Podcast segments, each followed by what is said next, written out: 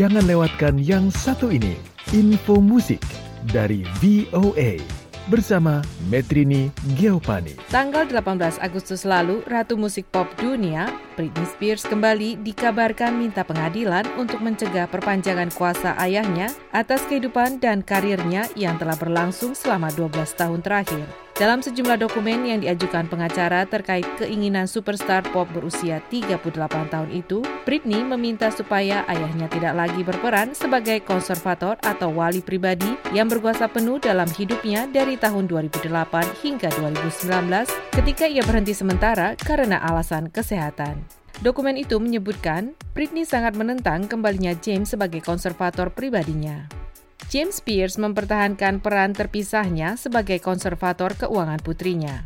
Selama 11 tahun pertama, James bertindak sebagai co-konservator dengan pengacara Andrew M. Wallet yang mengundurkan diri pada awal tahun lalu.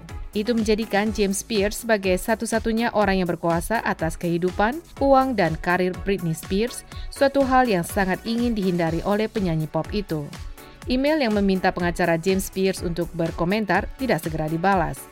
Britney Spears menginginkan Jodie Montgomery yang berperan sebagai wali sementara untuk menjadi wali permanen. Namun itu tidak berarti Spears melepaskan haknya untuk mengakhiri pengaturan itu secara keseluruhan. Dokumen itu juga mengungkapkan Britney Spears tidak berencana untuk tampil lagi di panggung dalam waktu dekat. Ia terakhir kali tampil live bulan Oktober 2018 dan awal 2019 dan telah membatalkan rencana mengadakan pertunjukan jangka panjang di Las Vegas. Kasus pengadilan itu memberikan gambaran terkait keinginan Britney Spears atas peran wali yang punya kekuasaan besar atas dirinya selama lebih dari satu dekade. Ia hampir tidak pernah secara terbuka berbicara mengenai masalah itu, meskipun tahun lalu ia minta pengadilan untuk mengadakan perubahan atas sistem perwalian tersebut.